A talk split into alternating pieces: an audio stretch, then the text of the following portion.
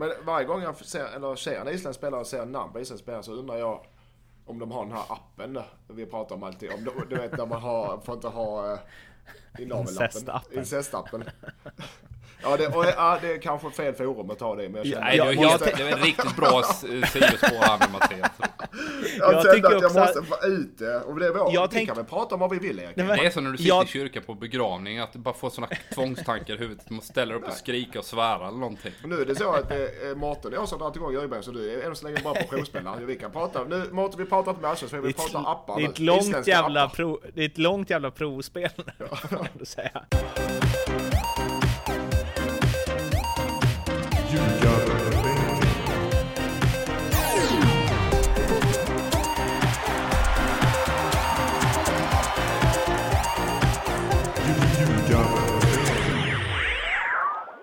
Nordicbets podcast om allsvensk fotboll, Ljugarbänken är och här igen. Eh, Mårten Bergman heter jag som eh, dagen till ära sitter på eh, mitt, mitt nya kontor här. Och det är svinvarmt och det är en gammal, ett gammalt kylskåp som låter så om det bullrar från Stockholms innerstad. Så är det för att jag har fönstret öppet och sitter precis vid fönstret. Och då får ni gärna skicka in klago, eh, och tweets och så till eh, Mattias Lindström. Ja, ja, men det är som vanligt. Jag tar skiten.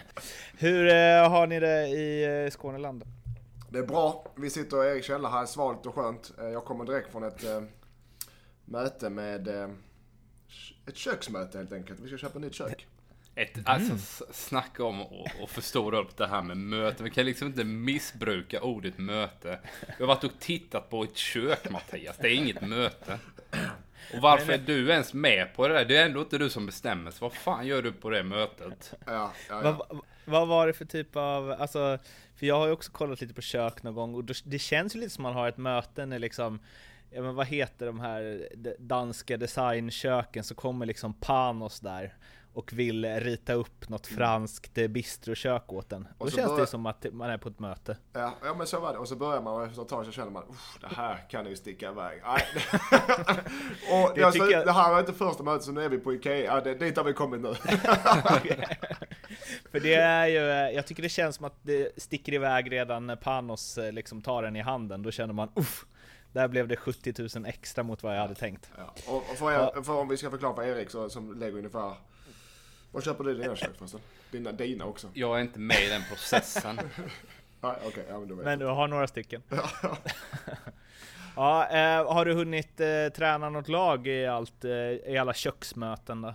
Mm, det har jag. Och vi har match idag också. Men eh, vi har ju eh, hunnit med en vinst och en, eh, ett kryss sedan sist vi sågs, jag på att säga. Sist vi pratade.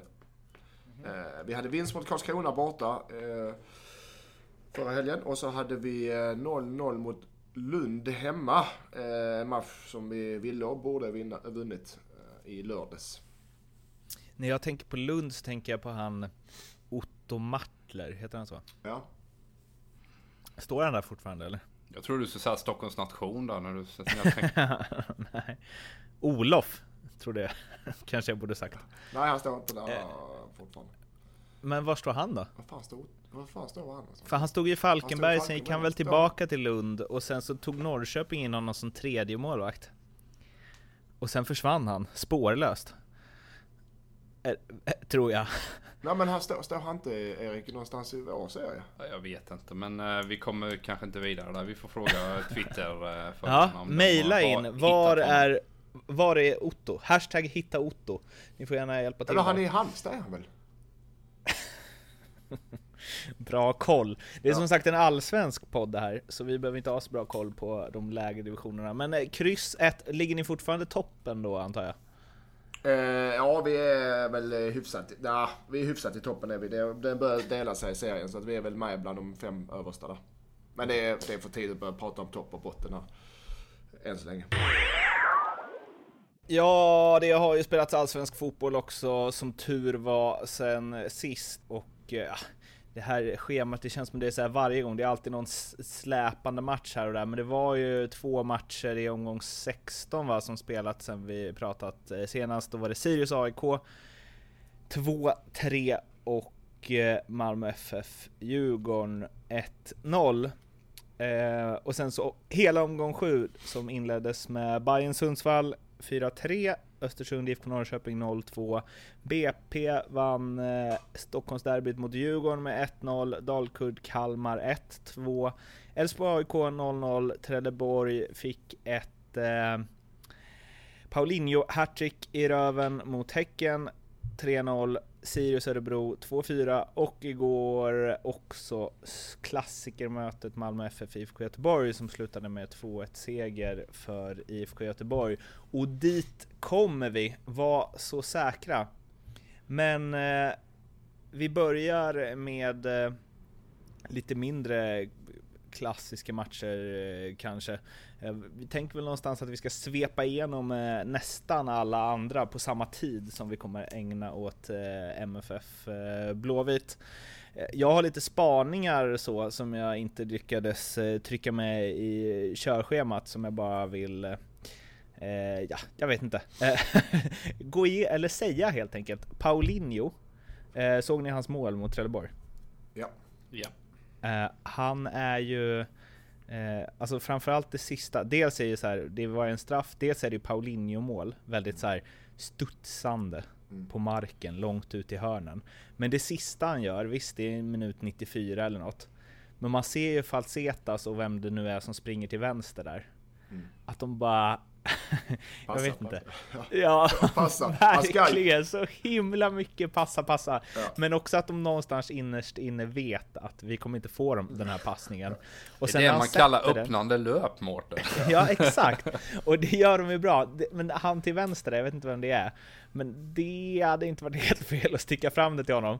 Och han i samma så här, i samma millisekund som han slår ut med armarna och ser besviken ut över att inte fått passningen så rullar ju bollen in i mål. Mm. Det blir väldigt, eh, jag vet inte. Det är så att de blir glada för att det blir mål, men han ville ha en pass och det stod ju redan 2-0 liksom. Ja, men, eh, men, väldigt Paulinho och så här leta de där lägena. Eh, han gör ju det vid 2-0 också, vänder och vrider. Och det de känns här... typ inte som en målchans liksom. Men de här målskyttarna, de är ju stora egon när det gäller att komma och, och göra mål. De är, är en riktig forward, en riktig striker. Han, han tänker inte på, han, han tänker inte på sina medspelare överhuvudtaget när han är i boxen. Han bara tänker på att göra mål. Och det är väl rätt tänk också, kan jag tycka. Han är ju väldigt bra när han är bra, Paulino. Mm. Men jag trodde inte han skulle vara så bra. Det har ju varit ett krånglande knä och sånt. Men Frågan är, alltså när han mot bättre, och det, Trelleborg är riktigt uddlösa ska sägas också, framförallt den matchen. Men frågan är hur ser de ut mot, hur ser han ut mot bättre försvar? Mm. Jag tycker fortfarande Häcken är svåra att ringa in hur pass ja, bra de är i år. Eh, Sirius eh, Örebro eh, målfest. Eh, och Örebro som vi liksom konstaterade flera veckor innan säsongen började bä, ska ju bäras fram av Besara och Kennedy Buonanike gjordes det här med. Kennedy gjorde två och Besara eh, prick sköt ju väldigt snyggt in 4-2 sen. Um, när jag ser eh, i alla fall Besara, på tal om vad vi ska komma till, uh, så tänker jag MFF där. Ja, jag, jag tycker jag håller med. Han är jättespännande och de behöver kanske förstärka lite grann. Det är flera av de tunga pjäserna i eh, Örebro som sitter på utgående. Besara, Gerzic, eh, Almebäck. Eh, läste någonting om Heinz Eik, även om han inte har varit superspelare i flera år så är han en stabil pjäs just nu. Så det, de har ju många av de tunga, tunga kontrakten som går ut. Det kan vara en fördel om man vill bli av med dem. Men jag gissar att alla de fyra som jag nämner där vill man ju bygga vidare på och kanske ja, förstärka laget med ytterligare kanske med någon spelare. För, för när jag det... tänker honom i MFF så tänker jag ju att han eller att liksom Malmös centrala delar är ju väldigt eh, defensiva och Besara att få liksom flyta runt där i någon form av så här släpande forwardsroll känns som något som skulle kunna addera ganska mycket till deras spel. Plus att han gör det, det mycket på egen hand.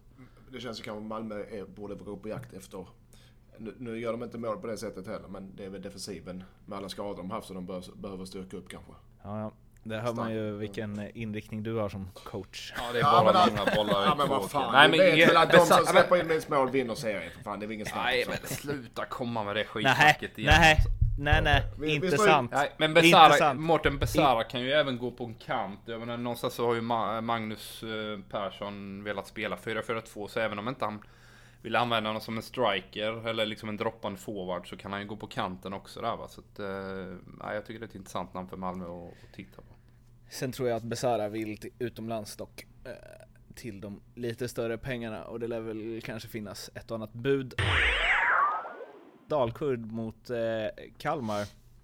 Där har vi ju liksom publiksiffran 707 personer. Är ju eh, exakt 0% förvånande och 100% tråkigt. Ja, det är riktigt tråkigt. Oavsett förutsättningar med städer och eh, eh, avsparkstider och vad det nu kan vara. Eh, om lag, motståndarlag och supportrar så, så är det, det är ingen bra reklam för Allsvenskan. Att det är 707 personer i högsta ligan i ett land där eh, det är inte bra alltså. Tyvärr. Det såg så jäkla deppigt ut på bilderna alltså. Alltså det som, det är ju alarmerande för många lag nu att det är svikande publiksiffror. Jag tror att, nu sitter jag inte på en eh, civilekonomutbildning, men det är nog viktigt för klubbarna att sluta göra de här glädjekalkylerna i budget på höga publiksiffror och eh, hoppas på, på för höga snitt. Utan jag tror att man måste försöka hitta andra inkomstkällor än bara publiken. Alltså visst, det är, man brukar säga att det är lätt att sälja de dyra biljetterna kanske med mat och, och ja, de här sponsorbiljetterna. Men de här billigare biljetterna, det är svårt att, att kränga fler. Och det ser, ser vi i den här stan, om man budgeterat för högt. Eh, Sundsvall gjorde det förra året. Eh, 707 på en allsvensk fotbollsmatch. Alltså jag vet inte om jag har hört Ja, och då- om då- något och sämre därför- på i ja. modern tid alltså. Vad hade så här, eh, var det typ Frölunda sista åren, så här, slutet av 90-talet? Eller alltså, där var vi väl nere och nosade på hälften av 700. Men då, och det vet jag inte, men det är möjligt. Men då i slutet av säsongen om du har ett lag som redan avsågat eller det blir, vet, det blir höstväder och skit och då kanske, men nu, strålande sol och Dalkurd är nykomlingar och det är lite hype och jag menar, jag, jag, det, det är svårt att förstå. Att, Mm. att, att det är fler som stöter upp laget, även om de inte spelar på sin riktiga hemmaplan. Så säger tycker de, de säger ju själva att de har supportrar överallt. Så att det, ja. Jag skulle dock säga att eh, jag är mer besviken på att Trelleborg bara hade 1409 mot Tecken. Här har man liksom väntat på att komma tillbaka till Allsvenskan. Ja, den, den, den eh, håller jag med dig Mårten. Och där finns det ju en, kul, alltså, en kultur sedan länge med fotboll och så här. Det tycker jag är su- superkonstigt. Eh, Det du är inne på är ju det här med traditionen också liksom. Att, att lag som har legat i en, en hög serie eller allsvenskan en lång tid har byggt upp en tradition. Det har ju inte Dalkurd, det har ju såklart inte AFC. Så det, det tar ju en jävla lång tid att få upp det liksom supporter... eh, Men, Trelle, ja, men Trelleborg då? Ja, nej, och det är ju bedrövligt att man liksom äntligen och snackar om att man längtar efter allsvensk fotboll. Sen kommer den, då skiter vi i det liksom. Så det, det är ju skrämmande. det är exakt så det är. Vilket är så jävla eh, märkligt. Och det får en ju att känna lite att... Eh, nej, jag vet inte. Då Och kan ni igår- vara i det var, Superettan. det var typ. igår också matchen nu. Det var i, eller förrgår var det va? Förrgår. Mm, Men 23 vad- grader varmt. Ja, då. 22 grader varmt. Ja, nej, ja, det är tråkigt. Eh, en rolig grej från, eller två roliga grejer från Dalkull-Kalmar då. Romario. Målet. Herregud. Vilket skott. Eh, kanske mm, ja, kandidat till årets mål redan nu skulle jag säga. Axén stod ju i sändning där och sa att eh, så där gjorde han eh, med jämna mellanrum på träningarna med guys. Ja, jag, Han glömde säga till honom att han skulle göra det på match också verkar Ja. det som. jag spelar ihop honom med guys och det, jag kan intyga Axén säger det. Det, det small till. Jag ska säga, I Romarios fall när han var i Gais var han mycket oslipad brasse var han då. Så det small ju till från alla hörn och kanter. Det var kanske en av hundra så mycket mål. så jag tror att han har slipat bort dem. Han har ett fantastiskt tillslag, det har han. Ja, den, bollen går liksom på alltså jävla gött sätt. Men eh, sen så eh, Buya Turay eh, förstås. Är han eh, topp tre anfallare i Allsvenskan? Nej, det tycker jag inte han är, men han är ju väldigt spännande och borde väl kunna... Eh, ja, det var ju snack om Djurgården. Sen om det var en prislapp som var för hög där och då och sen att det går ytterligare några veckor och AFC, AFC blir lite skakig och känner att vi får inte iväg honom fast vi, vi, vi behöver få, lo, få loss eh, pengar för att kanske plocka in någon annan och han börjar tjura och så vidare. Så det är möjligt att, att det, det skar mellan Ryssholm och Bosse och sen när det väl blir skarpt läge så var, var det kört för att gå till Djurgården. Jag vet inte och, och i det läget kom Dalkurd in istället och ja, betalade en hyfsad eh, prislapp då. Men satan i gatan vad Djurgården hade behövt honom. Mm. En bra spelare och det känns som att så som det ser ut nu i läget så i, i sommar där så är han i en annan allsvensk klubb. Mycket möjligt. För, för nu signar han väl i och för sig eh, treårskontrakt va, tror jag. Ja, men de har, Eh, ja men det... Ja. Men alltså, för det jag tänker med topp tre, okej han kanske inte är topp tre, men vad, han är ju där någonstans. Han har gjort 5 plus 2 på sex matcher i ett Dalkurd som liksom ligger tredje sist. Förra året gjorde han 9 plus 3 i ett eh, AFC som var katastrofdåliga. Och han behöver ju typ inga, alltså han känns lite som så här. eh, Eller det hade varit intressant att se honom med bra lagskompisar. För att han, som det är nu så behöver han ju typ inte det. Nej men det jag alltså tycker är spännande med honom, det är som du säger att han passar i ett bottenlag och han passar i ett topplag. Vissa spelare klarar egentligen bara att spela kontringsfotboll i ett bottenlag eller vara en target player i, i topplag. Han tycker jag kan hantera båda rollerna. Att Både vara den här kontringsforwarden, men även skicklig eh, runt straffområdet när det blir lite trängre ytor och så vidare. Så att eh, han bör kunna fixa det i en bättre miljö också. Det var, hans story är rätt intressant. Alltså han spelade i division 3 för tre år sedan. Det är ju eh, i och för sig för Juventus IF, vilket ju klingar fint. Men det känns ju som eh, en fin, fin utveckling. Jag hade, jag hade, det hade varit superintressant om eh, du får rätt där Lindström, att något annat allsvenskt lag plockar honom. Det som är intressant, ja men det som är, är ju... Han är, spelade division 3 för, sa du, tre år sedan? Mm. Ja, då går det snabbt för honom, både fysiskt och psykiskt. Och det är frågan, håller han... När kommer dippen? För den kommer komma dippen. Det är ju så snabbt, när det går så snabbt för en spelare så kommer en dipp förr eller senare. Att antingen en skadeperiod för kroppen klarar inte så snabb anpassning. Eller mentalt att det börjar svacka någon gång. Hur tar man det då? Men det är absolut ett jättespännande namn. För att eh, ta vid vid lite snabba spaningar innan vi kommer till, eh, jag tänker vi ska prata mer om Malmö som sagt, eh, Malmö Blåvitt som vi sagt och sen så även Hammarby Giffarna lite längre. Eh, men först då, Elfsborg AIK, eh, 0-0. Jag kände efter den matchen, när jag såg Norling i intervjun också, att de tänkte att Elfsborg är bättre än vad Elfsborg är. Och därför gick de inte riktigt före. Mm. Jag tror innan matchen så hade Norling och AIK nu sagt att vi tar gärna ett kryss.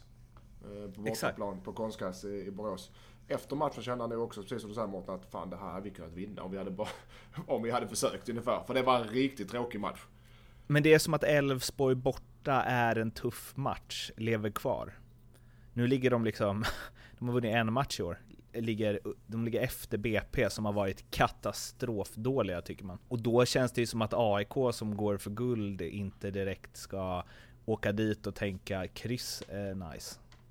Jag vet inte om också, de hade tre dagars eh, ja, mellanrum mellan matcherna där de spelar söndag och eh, sen i onsdag står mot Sirius. Om de var lite eh, fysiskt trötta. Och det är även den här mentala påfrestningen att lira matcher. Som man ofta glömmer bort. Man snackar om att, att man är trött eh, fysiskt. Men det är ju också hjärnan som måste vara påkopplad och koncentration, fokus. Eh, liksom eh, defensiva omställningar, alla de här bitarna som är, som är svårare att liksom ladda om batterierna. Och där kändes det lite som att AIK inte var riktigt eh, hungriga faktiskt i, i den här matchen. Eh, så det blev nästan på slutet som att, som att AIK var, var lite halvtillfreds med, med ett kryss där. Jag tycker att eh, Elfsborg gör kanske sin bästa match för säsongen. Eh, ser bättre ut, även om jag är inne på Mattias linje att det var ganska eh, chansfattig och lite halvtrist historia där. Kristoffer Olsson eh, avhandlade vi sist, fortsätter ju i samma stil. Det känns som att det där är en landslagsspelare innan året är slut. Man Fem plus-spelare i varje fall Ja. i, i tidningarna. Nej, han, eh, han går från klarhet till klarhet. Och, och, eh, Han har så många goa så här, små vickningar hela tiden. Alla hans bollmottagningar känns det som att han så här liten kroppsfint eller liten så här. Han får ja. hela tiden sin, den som han har emot sig får han hela tiden lite ur balans liksom. Ja, han har en fin spelförståelse. Det, men det som är skillnaden nu, eh, för det första att han får speltid och känner att han är uppskattad och han kan spela lite dåligt ännu. Men även han har ju självförtroende. Han spelar med ett stort självförtroende. Det är som är skillnaden gentemot förra året. Att nu vågar han göra de här grejerna som han kanske inte vågar göra innan. Eller när han gjorde det så misslyckas han och då, då skalar han bort dem. Så att han spelar med självförtroende max och då är det en riktigt bra spelare. Arnold Sigurdsson fick starta sin första match för eh, Kände att jag fastnade, fick lite tunghäfta där. Eh, startade sin första match för säsongen och gjorde båda målen när Norrköping slog Östersund borta. 18 bast är han, islänningen.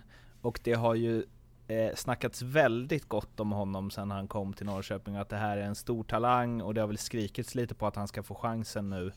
Två fina framspelningar från Tora Rinsson, två fina avslut efter två fina löpningar och anfall överlag. Och det är inte alla 18-åringar som gör två mål i sin allsvenska startdebut. Nej, men det här är ingen vanlig 18-åring heller, kan jag säga direkt. Utan varje gång han har kommit in i Norrköping, jag tjatar om det i vårat upptaktssurr, så jag ska hylla mig själv här lite. Oväntat. han är otroligt spännande och eh, jag snackar med en isländsk agent om honom också, eh, som säger att det är ja, bland det mest spännande som har kommit de senaste åren. Av alla de som de skickar iväg ut i Europa på olika sätt. Så det här är en superspelare och han kommer bli riktigt jäkla bra. Och det har han visat varje inhopp. Nu fick han chansen från start. Och är det någonting Norrköping har saknat så är det ju lite djupledshot och, och dra hela vägen, attackera ända in i, i, i målområdet. Eh, och det är ju också där han gör målen. Så att han var jätteduktig och han var jättenyttig för det som Norrköping någonstans vill med sitt spel. Det är kul. Och, han är, ja, men det, ja, men jag håller med. Det, alltså, det, där kan vi snacka och se en hungrig spelare som verkligen vill visa upp sig och, och beredd att göra fan med allt för att göra det också. Jag, jag får lite sådär Kim Källström-vibbar med honom. För ja, ja. Precis som att han, han ser liksom inga problem, han ser bara möjligheter med saker och ting. Och det var samma känsla jag hade med Kim i, i i början. I, I Djurgården förra året. Ja, inte Djurgården. Ja, men han var bra i Men jag tänkte mer när han kom fram och, och när man pratade med honom. Alltså, liksom, fanns liksom ingen utmaning som han blev liksom speciellt eh, låst av eller liksom nervös. Eh, utan han bara kör och bara ser liksom chanser och möjligheter med, med, med, precis allting som händer i en fotbollsmatch. Liksom. Jag får samma känsla med han. In och kör och vad fan, jag skiter väl i det här om det sitter 20 000 eller 5 personer. Jag bara, jag bara gasar liksom. Ja. Han, känns, han spelar fotboll, han ser glad ut när han spelar ja. fotboll. Då spelar han i rätt lag. Men varje gång jag ser, eller ser en isländsk spelare och ser namn på isländsk spelare så undrar jag om de har den här appen vi pratar om alltid. Om de, du vet där man har, får inte ha Incestappen. Incestappen. Ja, det, och, ja, det är kanske fel forum att ta det men jag känner ja, jag, jag, måste... Det är riktigt bra sidospår här med Mattias. Jag, jag kände att jag måste få ut det. Och det är vår, jag vi tänk... kan väl prata om vad vi vill Erik. Det är som när du sitter jag... i kyrkan på begravning, att du bara får sådana tvångstankar i huvudet. Du måste ställa upp och skrika och svära eller någonting. Nu är det så att det är Mårten och jag som drar igång Jöjberg, så du är än så länge bra portionsspelare. Vi kan prata, nu Mårten vi pratar inte med Allsvenskan, vi pratar appar det är, ett långt jävla prov, det är ett långt jävla provspel, ja. säga. Men eh, jag, en sak jag alltid tänker på är så här, är han son till någon? Eller det är det jag menar, det är det jag osökt kommer in på de här, alla efternamn är ju sån, han, sån, sån, sån. Han har, ja. båda föräldrarna är gamla landslagsspelare i fotboll, så att han har ju genetiska ju... förutsättningar. Där, de, de så jag måste säga, kan inte ha använt så är, 95% av alla isländska fotbollsspelare har ju att, båda föräldrarna är tidigare landslagsspelare. Och syskon. Skulle jag säga. Jag, jag, måste bara, jag måste bara, om du säger att den här isländska agenten säger att han är en av de, eh, det mest spännande de har fått fram. Det lovar ju oerhört gott för Norrköping i sådana fall. Med tanke på att Island har fått fram liksom ett par topp-toppspelare i Europa de senaste åren. Ja, men jag vet inte vad allting vad de gör rätt där, men de gör otroligt mycket bra saker på Island och de har de här inomhushallarna, de har ju en verkningsgrad som är helt makalös på, med tanke på hur många som bor på ön. Så att, eh, man pratar om att tränare bör, bör åka till England och titta hur det funkar i Premier League. Jag skulle säga att fan, åk till Uruguay, åk till Kroatien, åk till Island och titta hur bedriver de sin ungdomsverksamhet och eh, ungdomsutveckling och istället för att liksom titta på de stora länderna. Titta på de som har störst verkningsgrad och då är Island definitivt en förebild för oss i Sverige. Ja, jag tar Uruguay så kan du ta Island. Ex Island, Uruguay, Kroatien. Där har vi ljugarbänken on tour i höst. Brommapojkarna, Djurgården, Grimsta 1-0 till BP efter ett mål som, eh, ja, var det en tavla eller var det en oerhört konstig studs? Nej, det var en tavla. Var det en supertavla? Ja, det var en supertavla. Ja, för att vara en, en landslagsmålvakt som Isaksson har varit eh, så är det en jättetavla. Ja men det är klart han ska ta den. Det, är inget snack om. Där kan han inte komma undan. Han har räddat dem otroligt många gånger men nu eh, kladdar han till det. Så det ska han ta.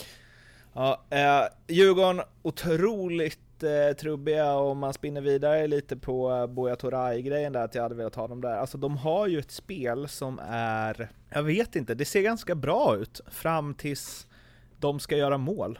Eller fram tills att bollen kommer in i straffområdet. De lirar liksom rätt snyggt, de har två yttrar som är helt okej okay, allsven, eller liksom ja men lite över helt okej okay, allsvensk klass. Saknar ju Kerim Rapti otroligt mycket. Uh, han blev ju inbytt nu men uträttade inte speciellt mycket efter sin skada. Och, och liksom Budgie, ja, jag vet inte, det kan ju hända vad fan som helst liksom, oftast ingenting. Och Kadewere har ju för sig visat en del, men är ju inte på den nivån än. De, de, har ju, de har ju ingen som gör att det känns giftigt när bollen kommer in i eh, straffområdet.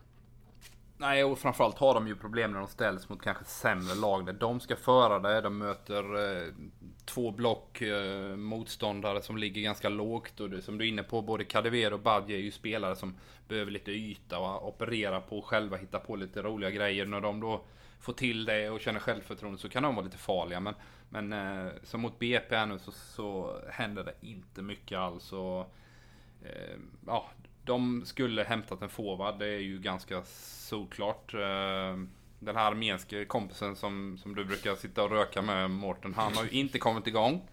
Eh, och Karim Emrabti är såklart superviktig för dem, men eh, tre veckor borta nu med den här baksidan gör ju att han inte är i form ännu heller.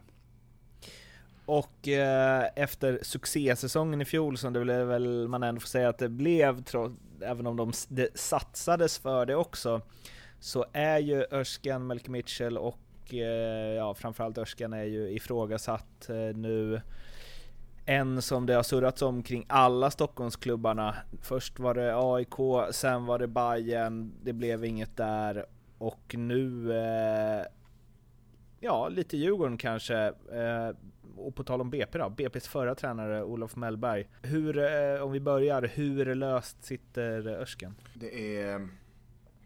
Nu vet, det är såklart, det, det, det är rykte, men, men, men jag menar, när det är när det är ett förmodat topplag som eh, Djurgården eller Malmö eller liknande som inte är eh, varken spelmässigt eller, eller resultatmässigt med i toppen. Så det är klart att en, ett tränarbyte är väl den lättaste och snabbaste vägen för att få effekt kort för att kunna hänga på.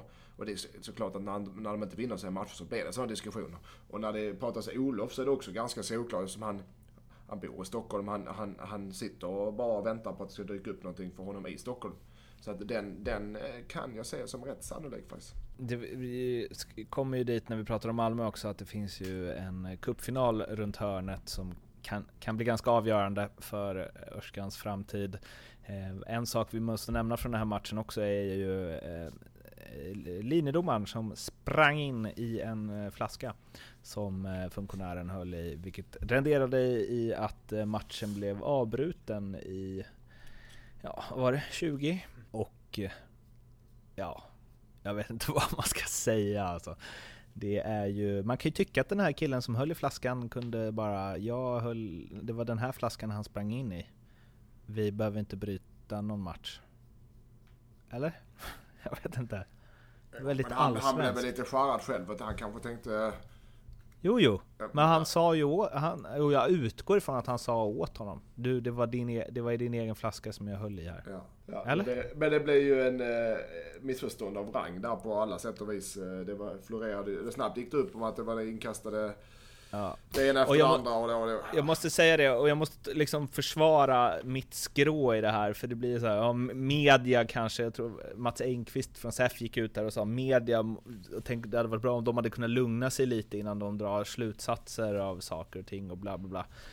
Och då känner jag att Alltså om man bryter en match så länge, att det tar så lång tid att få reda på att det är en funktionär som höll i en flaska eller liksom vad han nu gjorde då, alltså, på tal om att göra, dra förhastade slutsatser då.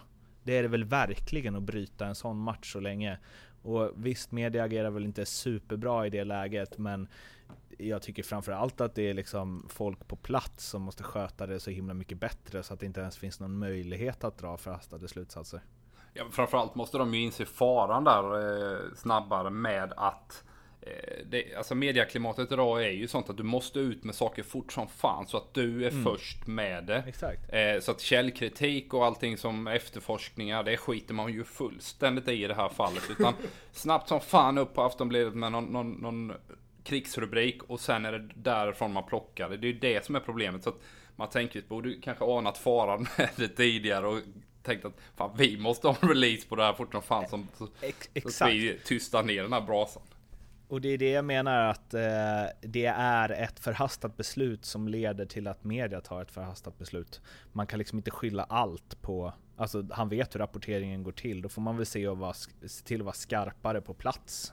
Och inte bryta matcher i 20 minuter för att en linjedomare springer in i en flaska som står på sidlinjen. Eh, ja, jag tog det lite personligt. I alla fall. Hammarby-Giffarna, en av matcherna vi ska prata lite längre om.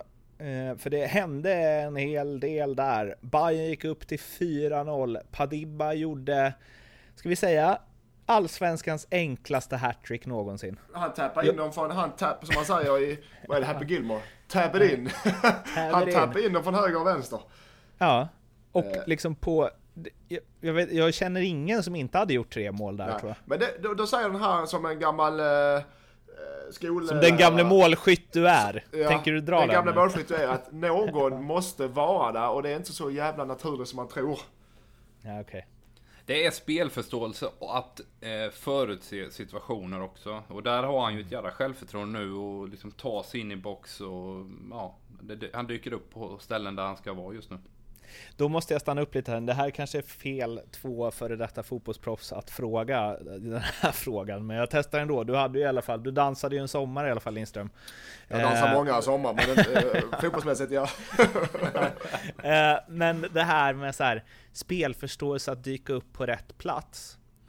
Alltså, jag tänker ju så här i nästan alla de här fallen med så här målskyttar. Det finns ju inte så många nu som bara petar in bollen. Men liksom Van Nistelrooy och sådana som gör alla mål från straffområdet. Han springer ju, Padibba springer ju inte och tänker. Här kommer bollen. Nej, Han har ju bara lite feeling.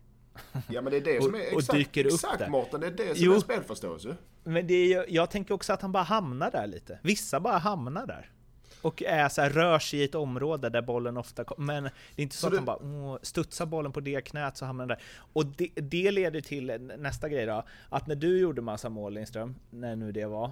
Eh, då tänker jag att ja, du hade lite feeling där några matcher och bollen kom på rätt ställe gång på gång på gång för att du inte tänkte så mycket och bara sprang runt Men- eh, fylld, fyll, fullproppad med självförtroende. Men då har du fel Mårten. Så du menar att man skulle kunna kasta in en division 6-lirare i, dem- och i Badibas situation och så hade de gjort mål istället för honom? I den här matchen. I, på 100%. avslutningen, ja såklart. Men alltså, man ska, det som är Nej man men ska- jag tänker att det finns spelare i division 6 som också bara har fötts med gåvan att vara på rätt plats vid rätt tillfälle. Jag menar bara att det inte är så analytiskt i det. Det är inte så att det är bara åh, så tar den på det knät och sen så på målvakten så och så hamnar den här. Utan han springer lite och sen så är han i de områdena där bollen dyker upp liksom. Och nu har den dykt upp där flera gånger. Ja men, han, Eller? Ja, men jag, jag håller med eh, båda där kan jag känna det är ju för mig spelförståelse att förstå att det kan dyka upp det. Nio gånger av tio kommer det inte göra det, men jag tar den där löpningen tio gånger av tio och så får jag den den, den, den tionde gången. Är lite det som, som han har fattat just nu och sen har han självförtroende. Jag, jag spelar med Alexander Frey, kommer du ihåg den gamla schweizaren eh, Mårten? Som, Ja. som, eh, Han som gjorde ju svinmycket mål ju. Ja, men han var ju hopplös. Alltså, han kunde för fan inte dämpa en sandsäck ibland alltså. Vi var tokiga, vi var tokiga på han. Alla bara tyckte att fan han är så jävla risig i spelet. Men så slutade varenda jävla match att det är han som har avgjort den och fixat segerpremierna till hela gänget. Så att alla tyckte att ja, men det var ju rätt bra att han var på planen då. Liksom. Och han var ju fenomenal på det här att dyka upp i de här ytorna. Andra bollsituationer, förutse situationer som, som, som kommer vid inlägg och sådana saker. Så, att, Där- eh, hatten av för den typen av spelare. Ja, för faktiskt. där, för, fan, för där, där kan vi hålla på hela dagen och diskutera. Vad definierar en bra fotbollsspelare? Det är en bra fotbollsspelare i mina ögon. Han kan inte, jag lovar att du kan hitta spelare i alla divisioner i Sverige med bättre teknik än honom. Än någon sketen eh, landslagsspelare från Schweiz liksom. Men det är också fotboll, det, det är en sorts fotbollskunskap. Så har du någon att du kan sniffa ut målchanser, så har du någon att du kan eh, vinna nickdueller. Så man får, man får slå ihop alla komponenter. Och i Padibas fall så är det att han har bra spelförståelse, därför han gör målen. Och Okej. kan ta löpningen. Mm. Mm. Men då kan man ju säga så här då, för att liksom eh, innan vi går vidare stärka min eh, tes i det här. Han har ju en del säsonger i sin karriär, Padibba, ganska nyligen, då han inte gjort så mycket mål. Ja, men han har haft Då har, mycket han har målchanser. säm...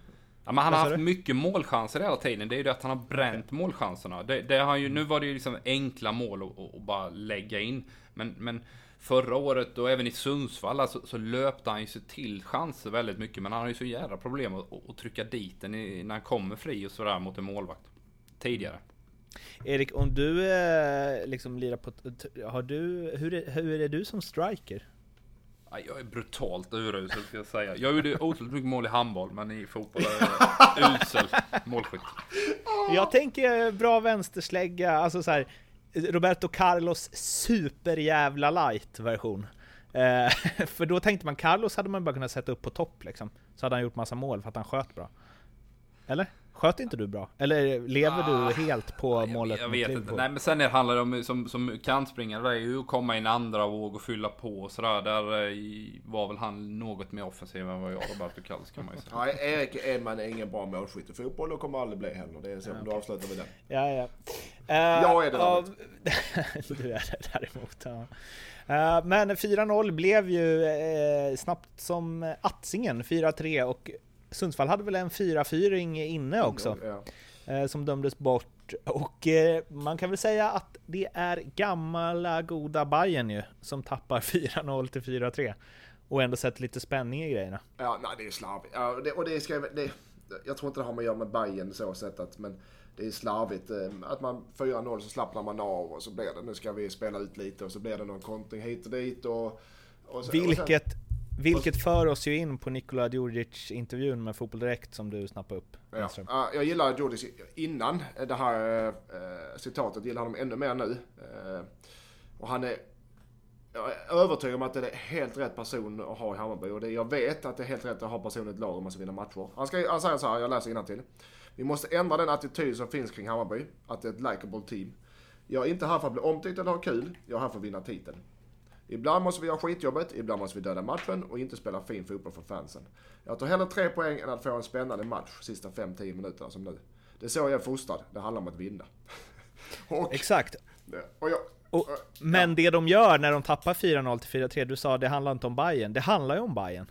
De, gör, de har ju gjort sånt här i alla år. ja, men det var därför det var bra att det är sådana spelare som äh, Nico Exakt. kommer in. Eh, så för att Verkligen. de har fortfarande en del spelare kvar som är likeable för fansen. Men Mm. då kommer han in så det blir lite, lite mer uh, uppdelat i alla fall. Mm. Sådana spelare vill man ha i sitt lag men man vill inte möta dem. Det är en typisk, Nico är en typisk sån spelare. Jag, jag lyfter hatten på, för det, den inställningen. Om han levererar den. Och det gör han. För att stänga Bayern, Batanero och eh, Galli. Två spelare som kan komma in när Hamad lämnar i sommar. Vad tror ni om det? Eh, ja, jag vet inte. Det, det är väl snack om att i alla fall Batanero har ett kortare avtal där. Så att, eh, han har ju varit jäkligt bra och spännande sen han kom eh, förra sommaren där, eh, Batanero. Gall har väl också utvecklats. Jag kan han lite för dåligt och hans kontraktssituation. Men ah, jag vet inte faktiskt Mårten om de är Bayern aktuella. Batanero känns ju... Han är ju som en allsvensk Pirlo. Lite för långsam, men elegant och smooth på allt han gör. Men det är kanske inte den typen de behöver i Hammarby. Nej, de har ju Kennedy, det, är sig. att de behöver ju de andra typerna. De behöver en, Mm. eh, en, eh, en Mattias Lindström. Som river lite där. Okej. Malmö FF, IFK Göteborg. 2-1 blev det till Blåvitt, men vi börjar innan matchen när Poya Bagi i GT säger Malmö är Sveriges bästa inläggslag. Sen kan man tycka vad man vill om det. 500 miljoner på kontot och bara inlägg, men de är ju jäkligt bra på det, säger han och fortsätter. När det gick tuffare för dem tänkte man att de skulle ta fram någonting annat, men då blev det bara ännu fler inlägg. Kan vi ta bort det, då har vi hälften vunnet. 1. Frisk fläkt, Poja, som faktiskt säger så. Och har ju belägg för det. Andreas Brännström mötte upp på Twitter till mig när han skrev att det finns mycket att kommentera. Jag ville att han skulle kommentera mer. Han sa att det har jag inte tid för att skriva här, men drog ändå iväg. Den lilla frågan rör ju artikeln. Någon skulle säkert säga spot on, medan någon annan skulle hävda att det nog är den största bumling som någonsin slungats i ett glashus glashus utan att någon behöver ha fel. Vad säger ni om Pojas analys av MFF? Min tanke med det han säger är att han vill få MFF att spela mer fotboll, alltså ha längre anfall så att de kan organisera sig. Och att han då på ett sätt vill förstärka det de står för och få dem att tänka lite att Nej, vi måste nog variera oss lite och, och så vidare.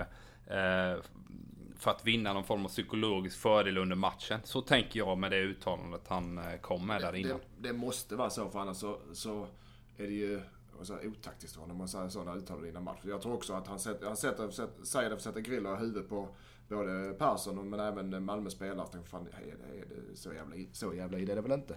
Så att eh, jag, tror bara, jag tror att han var taktisk där. Stämmer det? Ja, de, de är ju otroligt starka på, eh, på inläggsspel och har ju varit tydligare med det sättet att arbeta i år än vad de var förra året. Och framförallt så tror jag det bottnar i att Christiansen är borta som var en spelare som kunde variera eh, Malmös spel lite mer än vad de klarar av idag. Så att jag tror att det, det handlar om att de har bytt ut personal och, och känner att nej, men då får vi jobba lite annorlunda. Man, går ju, man hade en intention i början att gå hårdare med båda ytterbackarna i alla fall. Va? Eh, eh, just för att man har en annan balans på det centrala fältet. Någonting som Malmö har blivit sämre på i år, det är ju det här återrövningsspelet som man pratade väldigt mycket om under förra året. Att man hade långa anfall, tröttade ut motståndarna, man var mycket folk på offensiv planhalva och därmed tätt på motståndarna när man tappade boll för att sen kunna vinna tillbaka den. Eh, med lite snabbare raka spel så tappar du lite den här återövringseffekten också. Malmö förlorade som sagt den här matchen eh, och Eh, jag läser till här Sydsvenskan som tagit fram lite statistik. Malmö FF har tappat poäng i fem av åtta allsvenska matcher under 2018. Historiskt sett har laget inte råd med många fler nederlag om det ska bli guld denna här säsongen. Som mest har en svensk mästare tappat poäng i 12 matcher sedan serien fick 16 lag 2008. Förlustsnittet för en svensk mästare har sedan dess varit 4,9 matcher på en säsong. Malmö FF måste med andra ord börja vinna allsvenska fotbollsmatcher framöver. Vad tänker ni om den statsen? Nej, att den är helt korrekt. Eh, jag vet Sven Andersson som är lite så statistiknörd i HIF pratade alltid om att vi kan inte torska mer än fem matcher om vi vill utmana om guldet och man måste ha över 60 poäng för att kunna vinna. Eh, så att, ja, det sammanfattar väl ganska tydligt ja. det som du nämnde där. Hade jag... Och vad, säger, vad säger hade... du om MFF situation då? Nej men det är klart det är en jättetuff situation och någonstans så, så, så tror jag att man ska lägga undan allting med SM-guld och, och Europaspel och allting sånt där just nu. Lägg det i någon jävla låda uppe på vinden på Swedbank Arena just nu. Nu handlar det om varje jäkla dag på träningen, varje match eh, som kommer härnäst. Va? Och, och liksom ha inga ha inte så jättelångsiktiga målsättningar utan försök förbättra varenda jäkla dag just nu här. Tror du de har tappat bort sig i det? Att så här, guldet ska in som alltid, vi ska gå till Europa, allt ligger långt fram. Alltså... Jag tror att, att de blir stressade. Jag tror att de blir stressade, inte nu är de stressade efter förlusten igår, eller även innan, men när de, just när sån här statistik kommer fram Eh, och som säkert många har koll på ändå. Att ah, fem matcher, det, vi får inte förlora mer än fem matcher. Och hur långt har vi upp till Hammarby och AIK? Det är så många poäng redan. Det betyder så och så och så och så. Det stressar något oerhört. Både spelare och ledare och supportrar. De, de supportrarna så. Och då börjar de gnälla för fan det är redan kört och vad ska vi nu göra resten av året? Det är bara skita i det liksom. Så jag tror att det är stressande. Det är jättestressande för en klubb också. Så det, och Erik har rätt tyvärr ännu en gång att eh, de får ta faktiskt eh, en dag i taget. Och då menar jag inte att de ska koncentrera på bara matcher utan varenda jävla träning och inte bara det. Varenda övning på träningarna måste komma upp i snäpp alltså. Och nu ska jag eh, sticka in en sågning av Fotbollskanalen för att de har eh, deras eh, highlights-klipp som de slänger ihop eh, från matcherna har blivit så otroligt dåliga. Jag vet inte om de försöker hålla ner dem så mycket som möjligt. Det enda man får se är målen Och eh, det är, man har tur om man får en repris på målen, vilket gör att om man har missat en match så är det väldigt svårt att få någon, någon form av uppfattning av vad som har hänt i matchen och vilket lag som hade spelet och så vidare. Där kan jag tycka att man kan slänga ett getöga på MLS. Och sen ska jag också berömma Fotbollskanalen, eller ja, Fotbollskanalen Simor, men det är väl TV4 som TV4. Axel Pileby, grymt bra reporter har, tycker jag att han är eh, under matcherna. Och han hade en intervju med Magnus Persson efter matchen igår. Där MP sa det här är en match vi vinner varje dag i veckan. Och Pileby frågar, du upplever att ni är det bättre laget än IFK Göteborg? Varpå Magnus Persson skrattar till och säger, det tror jag alla som såg den här matchen och även statistiskt kan se i alla parametrar. Jag tror att alla som sitter och ser det här objektivt ser att det är ett lag som är klart bättre än det andra, men det laget förlorar idag. Om man kollar på statistiken så vinner Malmö hörnorna med 11-1. I övrigt är det jämnt i skott, skott på mål och eh, Göteborg har en eh, ramträff, vilket MFF inte har. Göteborg har betydligt fler frisparkar med sig, om jag inte läste den statistiken fel. Och eh, bollinnehavet är 56-44 till MFF.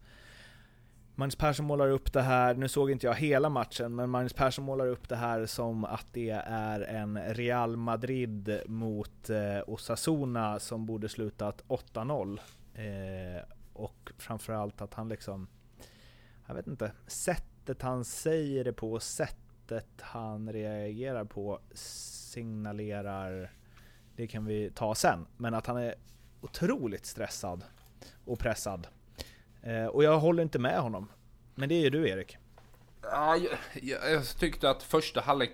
För det första ska jag säga att det är en bra fotbollsmatch. Det är en, det är en toppmatch i Allsvenskan. Där jag tycker att första halvlek känns faktiskt Malmö väldigt farliga. Eh, Blåvitt hade tufft att freda sitt mål som du säger. De har kanske inte superklara chanser, men det är sådär nästan läge. Sista passning, eh, skjuter på blockande spelare, lite sådana grejer som gör att inte den här avslutningsstatistiken blir eh, så tydlig som, som kanske Magnus vill göra gällande. Eh, I andra halvlek så har man också kontroll på matchen.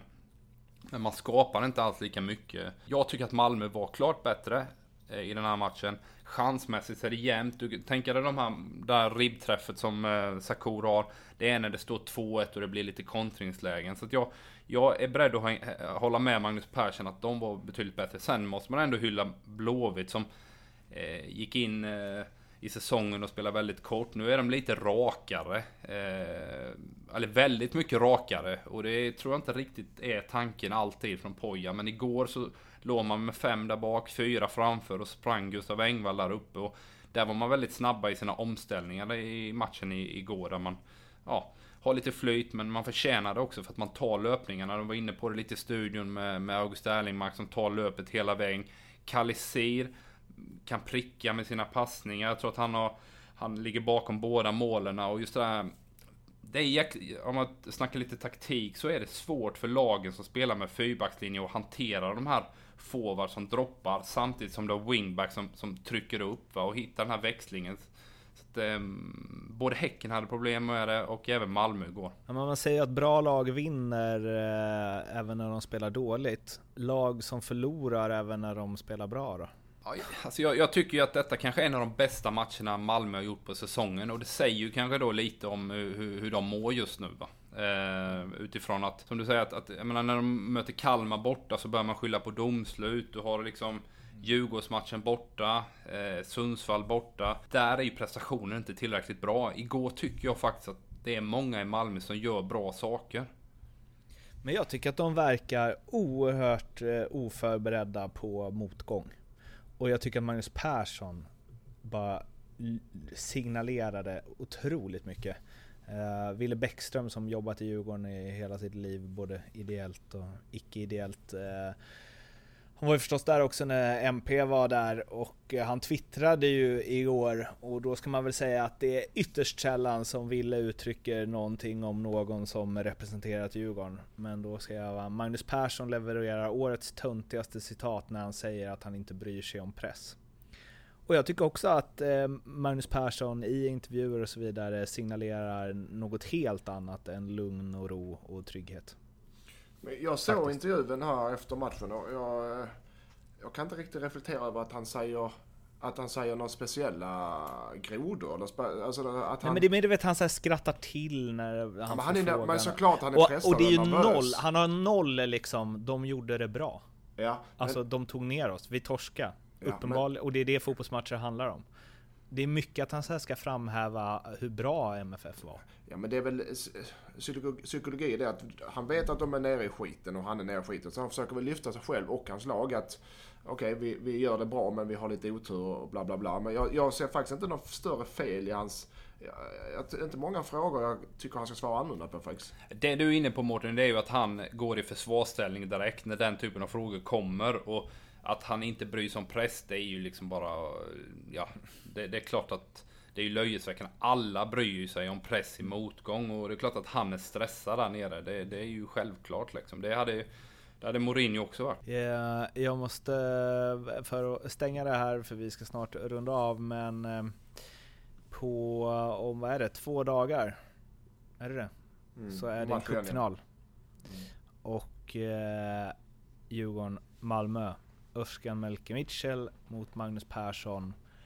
Den som förlorar den finalen, tror ni att den har något jobb matchen efter? Ska vi klunsa vem som svarar Nej men jag, jag, jag tror inte man gör någonting förrän i sommar. Det är så pass kort eh, innan sommar. Men alltså, ju mer jag tänker på det här med, med tränarjobbet. Alltså, Allsvenskan måste vara världens jobbigaste serie att vara tränare i. Alltså, jag menar, Jens Gustafsson ska ha kicken. Eh, Magnus Persson måste bort. Thelins fotboll funkar inte. Winqvist och Pimenta, då undrar man ju hur länge stannar de i, i Allsvenskan? Alltså, det är ju världens... Alltså, det är helt jävla omöjligt att bedriva eh, tränarskap i Allsvenskan. Men eh, finns det något, alltså, är det rätt att ha kvar de här Warder? Eller vad ska jag säga, det är två oerhört pressade tränare, vem har största anledning att vara pressad? Ve- Vem, tror- vem måste mest vinna kuppen? Jag tror Djurgården är mest pressade att vinna cupen faktiskt. Jag tror Magnus Persson, det här är spekulationer, men jag tror Magnus Persson, jag tror han och Danne och övriga i Malmös med tränarteam och styrelsen fungerar, fungerar ganska bra ihop och har, har tillit till varandra. Så jag tror han sitter, jag tror faktiskt han kommer att sitta kvar där. Eh, Jag tror att Öskan kan därmed sitta lite lösare till om de inte vinner finalen. Rakt byte där hade ju varit kul. Vad ska vi göra? Vi kör ett byte. Nej, men det, det är som Erik säger, det är jävla, alltså det är silly season i, tränars, i Sverige, i tränarsverige, det börjar bli löjligt nu för nu är det, nu är det mycket alltså. Löjligt. En annan grej som är löjligt är att vi kan inte prata så mycket mer för att eh, det ska göras andra grejer än att spela in ljugarbänken, hur knasigt den kan låta. Men vi har ju ljugarbänken 1, X 2 som ni hittar länk till i Acast, iTunes, eh, Twitter, Facebook, you name it, in där och utmana oss. Det är alltså ett X 2 spel på eh, hela omgång 8 och så skickar man in det och vill man vara med och tävla om jackpotten på 25 lax så lägger man också ett spel för minst 100 spänn på ett odds eh, i samma allsvenska omgång som är 1,50 eller högre. Eh, men ni kan också vara med utan att lägga något spel. Det är ganska många som är det nu och eh, vi då som ska redovisa eh, hur vi har tippat i omgång 8 det går ju sådär, får man ju säga. Eh, vi har ju liksom, jag vet inte hur många rätt vi hade på fyra pers, det är ju vi tre och sen Leopold Neurath från NordicBet som ja, fick vi ihop tio rätt totalt senaste omgången. Skitsamma, vi behöver inte prata mer om det. Totalt antal rätt i alla fall. Lindström 19, Edman 21, Bergman 23 och Neurath 28. Eh, och omgång 8, vi gör som vanligt. Eh, Erik, du säger först, Lindström sen, sist jag och vi börjar med eh, Giffarna Sundsvall mot eh, BP. Etta. Etta. Etta. Såklart. Göteborg, Norrköping. Tvåa. Kryss. Kryss. Djurgården, Dalkurd. Kryss. Kryss. Kryss. Såklart. Eh, Örebro, Hammarby. Det tar också ett kryss. Etta. Etta. Såklart. Trelleborg, Malmö. Tvåa. Tvåa. Tvåa. Häcken, Elfsborg. Etta. Etta. Kryss. Kalmar, Sirius. Etta. Etta. etta. Och sist, men inte minst, AIK Östersund Etta. Kryss. etta. Och jag tror att, eller ja, hur många mål? blir det i 18 omgången? har jag satt den omgången. Jag har 16 den omgången. Det har jag med. Åh, Mårten, Så där är har- ut det. Så, Så där har vi eh, vad ni inte ska tippa då nästa omgång, utan eh, gå in, vill ni ha fler rätt än eh, två så gå in och lägg era egna spel. Som sagt, ni hittar länk på Twitter, Facebook, Acast, iTunes och så vidare. Och Instagram nu, har vi skaffat. Ja, Instagram, in där. Ljugarbanken Podcast heter kontot. Det är bara, där kommer det komma upp massa roliga grejer, tror vi. Ni, eh, va, hör av er. Vi vet att ni vet, ni vet att vi gillar det. Eh, så hörs vi igen om ungefär en vecka, men tills dess får ni ha det fint. Hejdå! Hejdå! Hej, hej.